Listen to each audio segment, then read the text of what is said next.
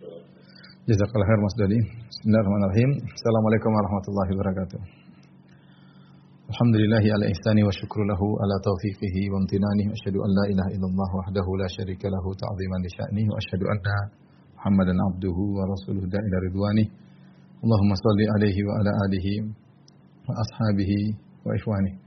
Para ikhwan dan akhwat, para pemirsa, rekan-rekan di Musfat yang dirahmati oleh Allah Subhanahu wa taala. Kita melanjutkan bahasan kita pada pertemuan lalu kita bahas al-awwal wal akhir. Kemudian uh, selanjutnya sekarang adalah al-zahir wal batin. Al-zahir dan al-batin. Yang maha zahir uh, dan maha batin. Uh, sebagaimana pada pertemuan lalu ini ditunjukkan oleh Al-Qur'an dalam surat Al-Hadid ayat 3 ya. Al-Hadid ayat 3. Allah Subhanahu wa taala huwal awwal wal akhir. Awwal wal akhir wal zahir wal batin. Al-zahir wal batin. Ya. Wa huwa bikulli syai'in alim. Dialah yang awal, al-awwal dan yang al-akhir, al-zahir dan al-batin dan dia maha kuasa atas segala sesuatu.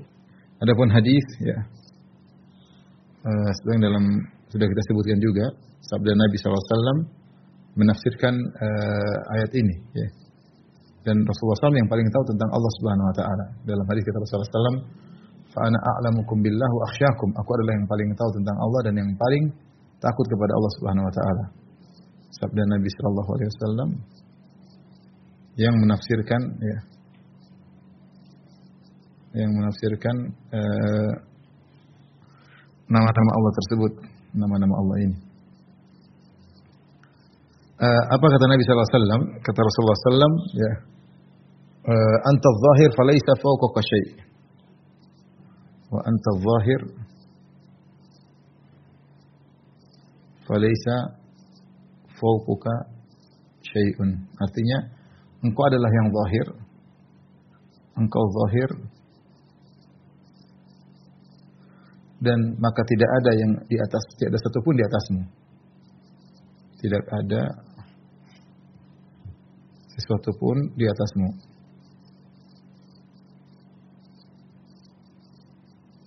Kemudian Rasulullah SAW menafsirkan al-batin, ya. Wa antal batin, falaysa dunaka syai'.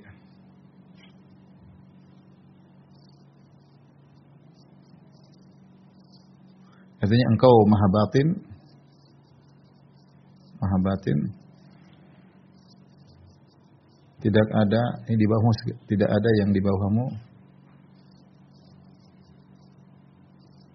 sesuatu pun atau di dia. Baik. Ini tafsiran Nabi SAW tentang uh, al-zahir dan al-batin ya. Uh, adapun makna yang disebut oleh para ulama ya tentang kita akan sebutkan tentang makna-makna al-zahir dan makna-makna al-batin ya. Menurut para ulama ya. Baik, al-zahir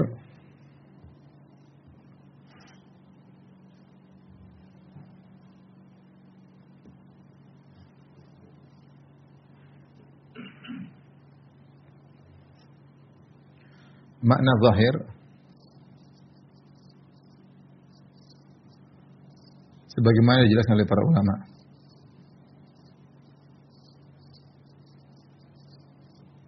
Ada beberapa makna ya. Eh, saya sebutkan di antaranya ada yang menafsirkan al-zahir eh, maknanya adalah eh, maknanya adalah zahir bidalail alaihi af'alihi al-mu'diyah ila al-ilmi bihi yaitu zahir dengan dalil-dalil yang menunjukkan keberadaan Allah Subhanahu wa taala dan perbuatan-perbuatan Allah yang menunjukkan tentang ilmu ilal ilmi bihi wa ma'rifatihi tentang ilmu tentang Allah dan mengenalnya. Fa huwa zahirun mudrakun bil uqul wad dalail. Maksudnya dia mengatakan zahirun bil uqul wad dalail. Allah itu zahir atau nampak dengan akal dan ayat-ayat. Sebagian perkataan seorang penyair, "Wa fi kulli syai'in lahu ayah tadul ala annahu wahid." Ya. Segala sesuatu ada tanda yang menunjukkan Allah adalah Maha Maha Esa. Jadi dia ingin menunjukkan maksudnya zahir di sini adalah Allah keberadaannya sangat zahir. Maksudnya adalah keberadaannya keberadaan Allah itu sangat jelas, maksudnya demikian, sangat jelas. Kenapa? Karena segala ayat, segala makhluknya menunjukkan akan adanya Allah. Kita melihat alam semesta, kita melihat diri kita, kita melihat aturan-aturan alam. Maka sangat zahir, sangat jelas bahwasanya nampak di sini maksudnya jelas ya. Zahir maksudnya jelas. Uh, dengan akal dan ayat-ayat, dengan kita merenungkan, berpikir dan uh, akal, maka dengan ayat-ayat perbuatan-perbuatan Allah menunjukkan akan hal tersebut. Ini tafsiran disebutkan oleh Az-Zajaji ya. Uh, dalam kitab Istiqaq Asma'il Husna. Kemudian ada makna berikutnya juga yang disebut Al-Khattabi ya.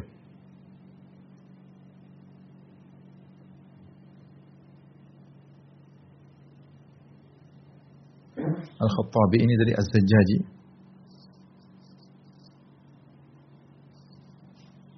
Ada disebut juga Al-Khattabi, beliau mengatakan bahwasanya yang dimaksud dengan uh, zuhur adalah zuhur bil ghalabah ya. ya. bisa dia sebutkan dengan makna yang sama oleh Zajjaji yaitu zahir bi hajjihil bahirah.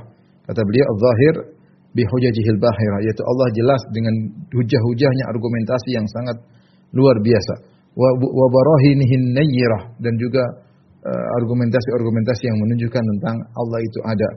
Wa bi syawahidi a'lamihi dalla ala thubuti rububiyyatihi. Demikian juga dengan persaksian dari tanda-tanda yang ayat-ayat Allah yang menunjukkan akan rububiyahnya. Wa sihhati wahdaniyatihi dan dia adalah yang Maha Esa. Ini makna zahir sebelum disebutkan oleh Az-Zajaji. Kemudian dia berkata, wa yakunu adh-dhahiru fawqa kulli syai'in bi qudratihi, yaitu zahir fawqa kulli syai'in biqudratihi. Itu unggul atas segala sesuatu sesuatu dengan kuas kuasanya. kuasanya. Uh, ini maknanya al-ghalabah, maknanya al-ghalabah, mendominasi. Ini zuhur, al-zahir bil ghalabah, yaitu zuhur bil ghalabah. zuhur bil ghalabah. Maksudnya Allah mendominasi segala sesuatu ya. Ini maksudnya Allah mendominasi untuk mengalahkan segala sesuatu.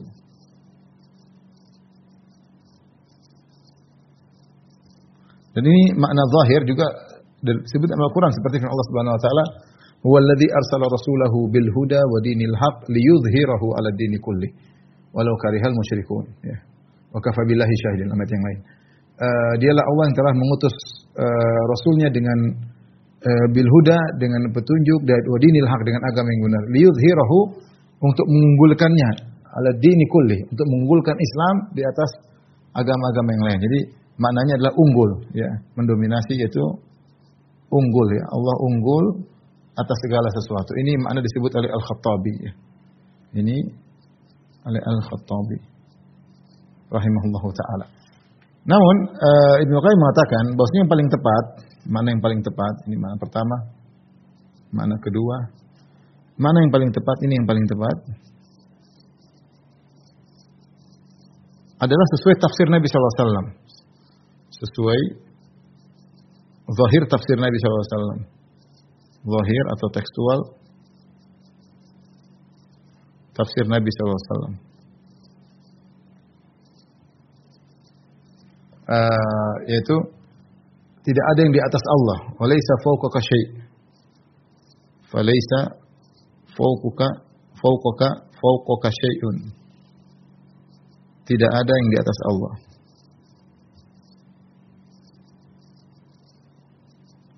Allah Maha Tinggi. Jadi ini maknanya adalah ulu zat. Zat Allah yang maha tinggi. Yang maha tinggi. Ini tafsir yang lebih tepat sesuai dengan zahir dari uh, sabda Nabi Shallallahu Alaihi Wasallam. Ibnu Qayyim menyebutkan dari beliau mengatakan uh, makna ini semua benar, menasab pertama, kedua, tapi makna yang paling tepat adalah makna yang ketiga. Uh, karena Allah menyebutkan empat nama yang saling uh, apa namanya yang saling kontradiksi, ya, saling ber, atau saling bertentang, bertentangan. Al awal al zahir, al awal al zahir yang paling awal dan yang paling akhir. Al zahir al batin, al batin yang paling batin, zahirnya keluar ya. Kalau kita secara bahasa kan zahir paling batin, kemudian uh, apa al batin paling dalam, kemudian zahir yang paling yang paling luar. Dengan demikian uh, uh, kalau kita mengatakan zahir maknanya unggul atau nampak maka tidak menjadi lawan dari batin. Ini sisi dalam Ibnu Qayyim. Kita menafsirkan bahwa batin adalah sesuatu yang batin. Lawan dari batin adalah yang zahir yang luar. Batin luar, zahir batin. Seperti bahasa kita, ada zahir, ada batin. Nah, kalau lawan dari batin adalah zahir. Sebagaimana lawan dari akhir adalah awal, lawan dari awal adalah akhir. Lawan dari batin adalah zahir.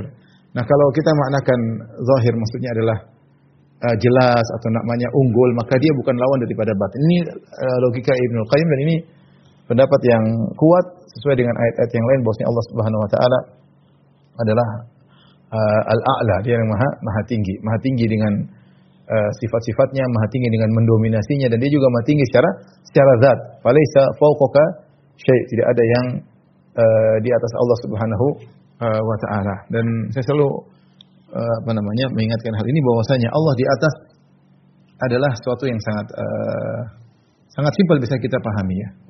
Seperti logika Imam Ahmad rahimahullah taala ketika beliau mendebat orang Jahmiyah mutaabbidah yang mengatakan Allah di mana-mana dalam bukunya Ar-Rad al Jahmiyah wa Zanadiqah. Imam Ahmad mengatakan Allah Subhanahu wa taala ketika menciptakan makhluk, Allah menciptakan makhluk ada tiga kemungkinan. Kemungkinan pertama Allah menciptakan makhluk dalam dirinya. Allah zat Allah menciptakan zat makhluk dalam diri Allah. Maka ini adalah tidak boleh tentunya. Uh, jadi ada tiga kemungkinan. Kemungkinan pertama Allah menciptakan makhluk dalam dirinya. Kemungkinan kedua Allah menciptakan makhluk di luar zat Allah. Kemudian Allah masukkan dalam dirinya. Kemungkinan ketiga Allah menciptakan makhluk di luar zat Allah dan tetap makhluk di luar zat Allah. Saya ulangi. Kemungkinan pertama Allah menciptakan makhluk dalam dirinya. Kemungkinan kedua Allah menciptakan makhluk di luar. Kemudian dimasukkan dalam dirinya. Kemudian ketiga Allah menciptakan makhluk di luar dan tetap di luar. Nah, untuk kemungkinan pertama Allah menciptakan makhluk dalam dirinya ini tentu tidak benar.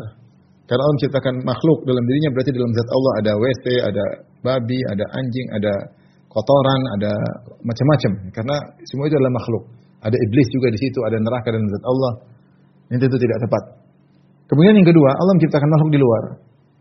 Dengan berbagai macam ragam model ini. Kemudian Allah masukkan dalam zat Allah. Ini pun sama. Kembali kepada seperti kemungkinan yang pertama. Tinggal kemungkinan yang ketiga. Allah menciptakan makhluk di luar zat Allah. Dan zat Allah di luar makhluk. Nah, keberadaan Allah di luar zat makhluk itu yang disebut ulu, yang maha tinggi. Yang maha, yang maha tinggi. Makanya diriwayatkan oleh Ibnu Abbas, Ibnu Abbas mengatakan, tidaklah makhluk bumi dan langit dalam genggaman Allah seperti kalian menggenggam khardal biji sawi. Jadi, makhluk sangat kecil dan Allah sebutkan dalam Al-Qur'an, wal ardu jami'an qabdatuhu yaumal qiyamah. Seluruh bumi semuanya dalam genggaman Allah. Bumi dan seisinya dengan semua dalam genggaman Allah. Was samawati matwiyatun biyaminih. Kemudian langit dilipat dengan tangan Allah. Jadi alam semesta ini di bawah diliputi oleh Allah Subhanahu wa taala sehingga Allah Subhanahu wa taala uh, maha tinggi. Maha tinggi itu di luar alam. Maha tinggi maksudnya di luar uh, di luar alam. Maka jangan sampai kita memahami seperti pemahaman orang Mu'attilah, orang Jahmiyah maupun Mu'tazilah atau Asy'ariyah yang menganggap kalau Allah di atas berarti Allah terliputi. Allah kecil. Enggak, Allah di luar tuh maksudnya di luar alam semesta, alam semesta kecil. Alam semesta kecil ya. Seperti tadi Ibnu Abbas mengatakan ibarat kalau kita pegang biji, ini manusia bukan Allah alam kita tidak sama dengan tapi kita bayangkan kalau kita manusia kita pegang biji dalam tangan kita maka di luar biji semua adalah tangan kita adapun Allah Allah alam bisawab tapi Allah di luar walillahil masalul ala tentu Allah lebih agung daripada itu kita tidak tahu bagaimananya tetapi Allah di luar makhluk di luar makhluk maka menunjukkan Allah di di atas ke arah luar tuh ke arah atas ke arah atas dari berbagai sisi kalau bumi bulat dari atas bawah semuanya ke arah luar kalau luar alam berarti Allah di luar alam sehingga Allah Maha besar dan Allah di atas ars. Fauqa sab'a samawat, di atas ars di atas tujuh langit ya. Di atas langit yang yang ketujuh. Maka makna pertama benar, makna kedua benar, tapi makna ketiga yang lebih tepat, yang lebih tepat. Kenapa? Karena tadi Ibnu Qayyim menyatakan inilah karena empat nama tersebut saling kontradiktif ya. Awal lawannya akhir, akhir lawannya awal. Demikian juga batin lawannya zahir, zahir lawannya batin. Nah kalau batin dalam, zahir berarti luar ya, luar alam ya. Maka ini uh, mudah dipahami berdasarkan penjelasan Ibnu Qayyim rahimahullah taala. Ini makna zahir. Baik, sekarang kita lanjut kepada makna batin.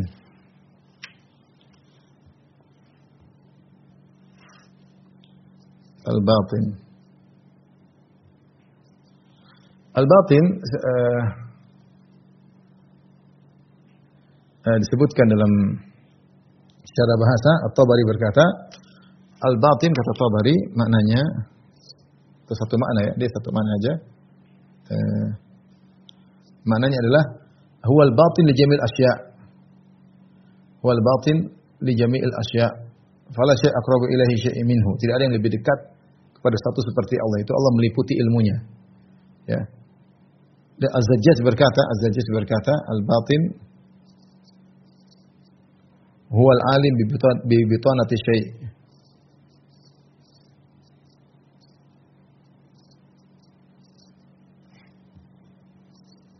Yang maha mengetahui tentang uh, hakikat sesuatu ya. Yang maha mengetahui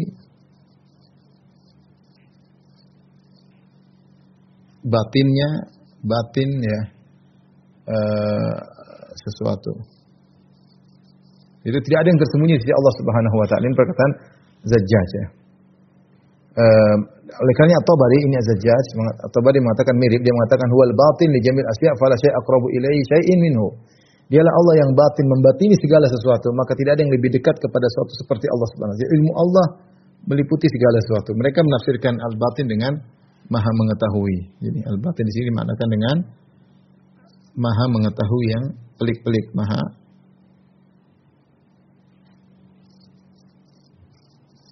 mengetahui yang batin-batin, dalam dalam batin-batin sesuatu, segala sesuatu.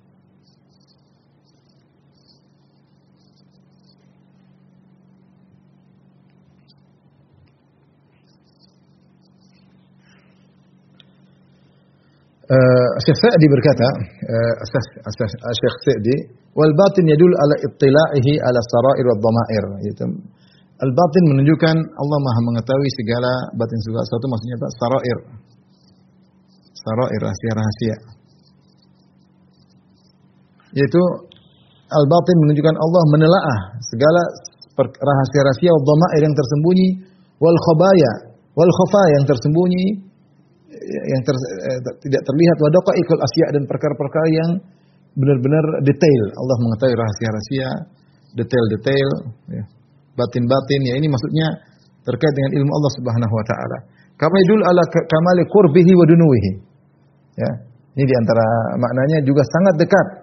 Ya, sangat dekat dengan hamba-hambanya itu dan ini melazimkan melazimkan Allah dekat ya, dekat dengan makhluknya.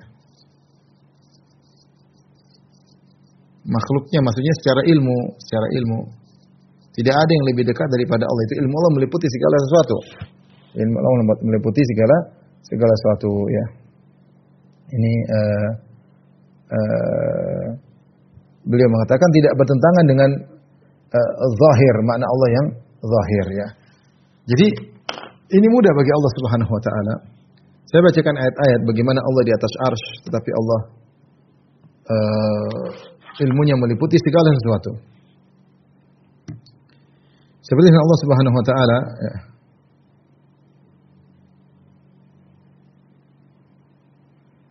Kata Allah Subhanahu wa taala dalam surat Ar-Ra'd ayat 2, kata Allah Allahu alladzi rafa'a as-samawati bighairi amadin tarawunaha. Allah yang telah mengangkat langit tanpa tiang yang kalian lihat. Thumma stawa ala arsh. Allah di, istiwa di atas arsh. Wa sakhara syamsa wal qamar. Lalu Allah menundukkan langit dan bumi. Kullu yajri li ajalin musamma. Semua di, di berjalan sesuai dengan ajal yang telah waktu yang telah ditentukan. Yudabbirul amr. Ya. Allah mengatur uh, segala urusan. Subhanallah, dia di atas ars dan dia mengatur semua yang di bawahnya. Dia di atas ars dan dia mengatur semua yang di bawahnya. Ya, dia menunjukkan Allah di atas. Dan Allah yang di atas dia mengatur segalanya dan semua yang di bawahnya Allah tahu batinnya bagaimana. Karena semua ciptaan Allah Subhanahu wa taala. Sampai Allah mengatakan, "Wa ma tasqutu min waraqatin illa ya'lamuha." Tidak ada daun yang jatuh pun kecuali Allah yang Allah mengetahui tentang ilmunya. Kita saja, kita manusia, dalam batin kita nggak tahu apa yang terjadi dengan batin kita. Tidak tahu apa yang terjadi dengan darah kita, tidak tahu yang terjadi dengan kondisi kesehatan kita sehingga kita terkadang perlu namanya al-kasfu ya perlu apa cek general check up. Tahu kita kita saja yang memiliki jantung, memiliki darah, kita nggak ngerti terjadi di dalam. Tapi Allah yang menciptakan kita tahu semuanya, batin-batin kita pun Allah Allah tahu. Dan dia di atas arsh. Semuanya mudah dilihat. Allah Maha melihat, Allah mendengar, Allah mengetahui semua yang terjadi karena semuanya ciptaan dia. Ya. Dalam ayat yang lain, Allah Subhanahu wa taala uh, berfirman dalam surat Al-Hadid ayat 4, Huwa alladhi khalaqa samawati wal arda fi sittati ayyamin, thumma stawa 'ala al-'arsy. Dia yang menciptakan langit dan bumi dalam waktu enam hari kemudian Allah beristiwa di atas arsy. Ya'lamu ma yalaju fil ardi. Dialah Allah yang mengetahui apa yang masuk dalam bumi. Wa ma yakhruju minha. Semuanya di bawah Allah. Bumi dengan ars sangat jauh sekali. Langit pertama sih sangat jauh, langit kedua, langit dan Allah di atas ars, langit yang ketujuh. Di atasnya ada ars kemudian ya, karena ars adalah tempat yang, yang yang paling tinggi ya, tempat yang paling tinggi. Surga Firdaus, surga Firdaus surga yang paling tinggi. Kata Nabi wasallam, "Idza sa'altumullah fas'aluhu firdaus fa innahu 'alal jannah." Jika kalian minta minta kepada Allah, mintalah surga Firdaus dan sesungguhnya surga Firdaus surga yang paling tinggi. Dan di atasnya ada ars. Ars atap surga Firdaus adalah ars Allah Subhanahu wa taala. Ars Allah yang maha tinggi dan Allah di atas ars. Meskipun Allah di atas ars, kata Allah Subhanahu wa taala, "Tsumma stawa 'alal ars." Kemudian Allah berisiwa di atas ars, kemudian Allah Maha mengetahui apa yang terjadi di bawahnya semua. Ya'lamu ma jalaju fil ardi wa ma yakhruju minha. Allah mengetahui apa yang masuk dalam bumi, wa ma yakhruju minha. Apa yang keluar dari dari bumi. Wa ma yanzilu minas sama. Allah mengetahui apa yang turun dari langit. Wa ma ya'ruju minha yang langit naik ke atas langit. Semuanya di bawah perhatian Allah Subhanahu wa taala wa huwa ma'akum aina ma kuntum. Dan Allah bersama kalian di mana pun kalian berada. Itu Allah melihat dan Allah mengawasi. Allahu bima ta'maluna basir. Sungguhnya Allah Subhanahu wa taala Maha melihat uh, apa yang kalian lakukan, ya.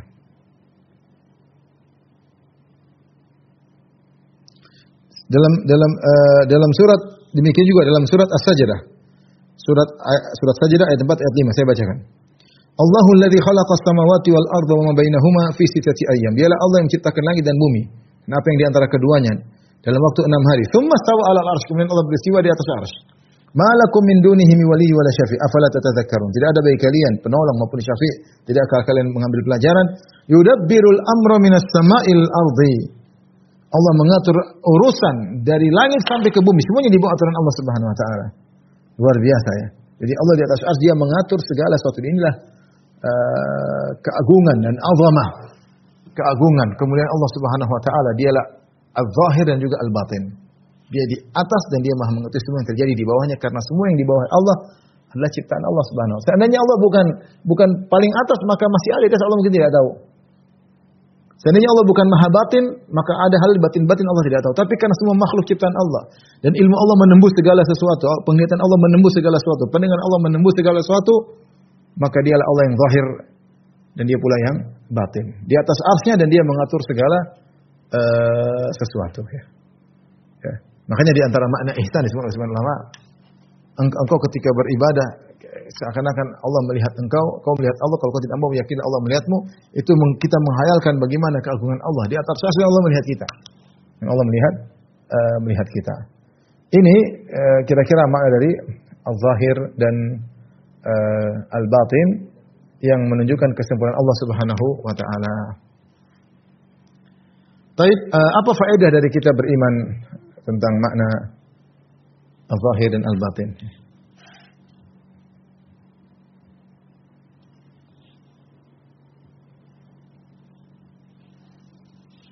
faedah mengimani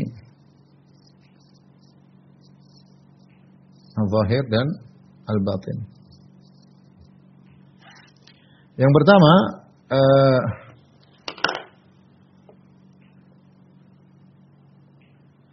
bahwasanya Allah meliputi segala sesuatu, meyakini Allah meliputi segala sesuatu.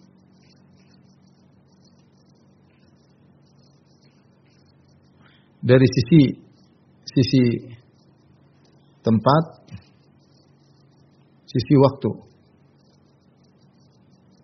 atau zaman. Sebut al-ihatah az-zamaniyah. al-ihatah al-makaniyah. Allah meliputi segala zaman karena dialah al-awwal wal, wal, wal akhir. Kalau dia yang awal, dia yang akhir, maka semua yang antara keduanya dia tahu semuanya. Tapi kalau ada sesuatu sebelum Allah, tentu Allah tidak tahu sesuatu sebelumnya. Tapi dia awal dan akhir, maka semua dia liputi secara zaman, semua di bawah naungan Allah Subhanahu Wa Taala. Demikian juga, uh, ya,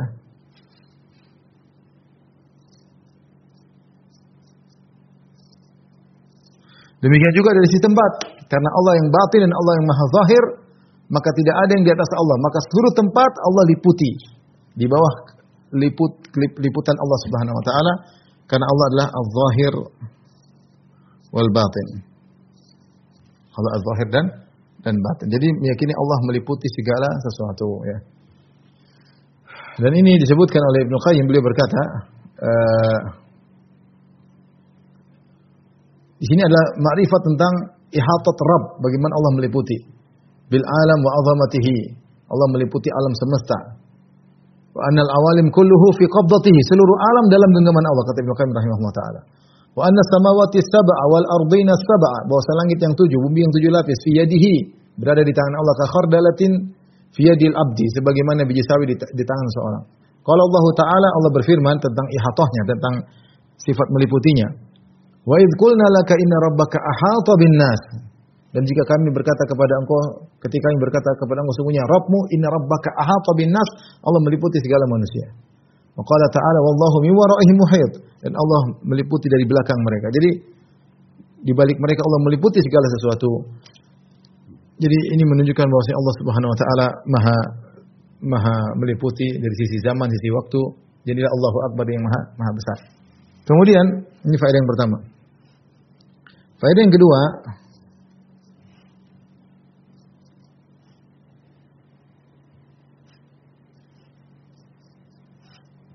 meyakini maha kaya Allah dan maha asomat. Dia adalah asomat yang semuanya butuh kepadanya.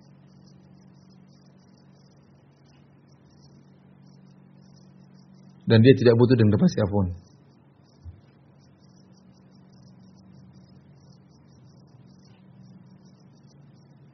Kenapa bisa demikian? Karena Allah lah yang maha awal, dia tidak butuh kepada siapa pun, dia sudah ada.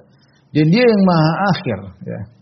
Ujung kembali kepada dia yang maha zahir, tidak ada yang di di apa namanya di atas dia. Maka dia memiliki al-ghina al-mutlak, kekayaan yang mutlak.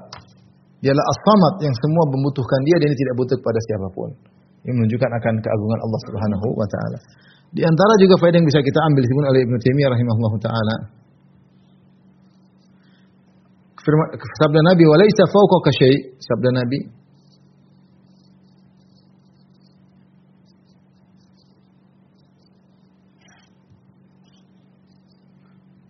falaisa fawqaka syai'.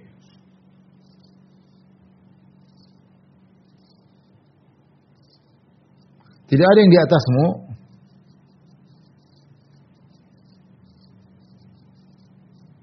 menunjukkan menunjukkan apa?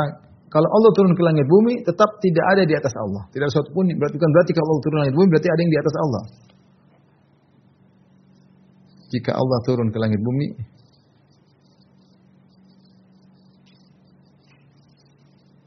ke langit dunia tetap tidak ada yang di atas Allah. Caranya bagaimana? Itu urusan Allah Subhanahu wa taala. Mudah bagi Allah apakah Allah buka langit apakah mudah bagi Allah. Pokoknya itu di luar nalar kita. Pokoknya Allah di atas ars dan Allah bisa turun ke langit dunia gimana caranya urusan Allah Subhanahu wa taala. Ya. Saya sering sampaikan logika saja misalnya pena saya jatuh. Saya ambil pun pena jatuh. Tenang saya ambil saya tetap tidak tidak harus saya tidak meninggalkan, tidak ada tetap, meja tetap di tetap di bawah saya. Saya meja tidak di, di atas saya. Saya pena saja tuh. Saya ambil, toh meja tetap di bawah saya, tidak menjadi meja di atas saya ya. ya. Ini kita manusia, makhluk Allah Subhanahu wa taala bagaimana Allah membuat dimensi, Allah buka dimensi terserah Allah. Di luar nalar kita. Berimanlah. Makanya dikatakan Ada seorang ahli bidah mengatakan, "Ana akfur bi rabbin yanzil." Aku turun, aku kafir kepada Rabb yang turun.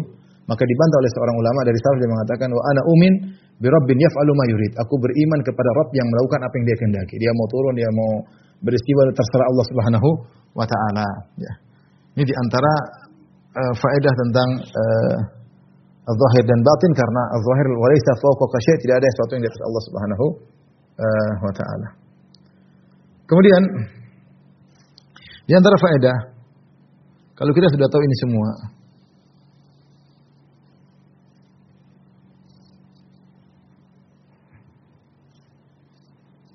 Hamba hanya bergantung kepada Allah. Hendaknya hamba hanya bergantung kepada Allah.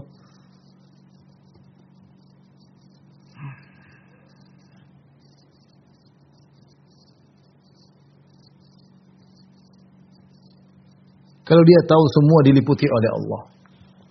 Semua di tangan Allah Subhanahu wa taala. Semua di bawah aturan Allah Subhanahu wa taala. Semua diliputi oleh ilmu Allah Subhanahu wa taala. Semua di bawah kekuasaan Allah bersandar kepada siapa lagi? Dia orang yang berhak untuk kita bersandar kepada dia adalah awal wal akhir, dia adalah al-zahir dan al-batin. Ya, ini faedah yang keempat uh, sehingga kita hendaknya bersandar kepada Allah Subhanahu wa taala. Dan yang terakhir yang kelima, Faedah yang kelima, uh, untuk menghilangkan waswas syaitan ya.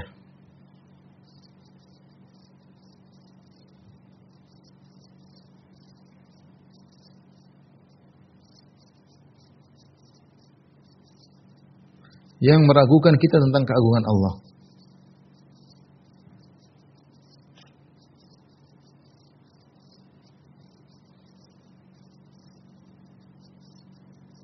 uh,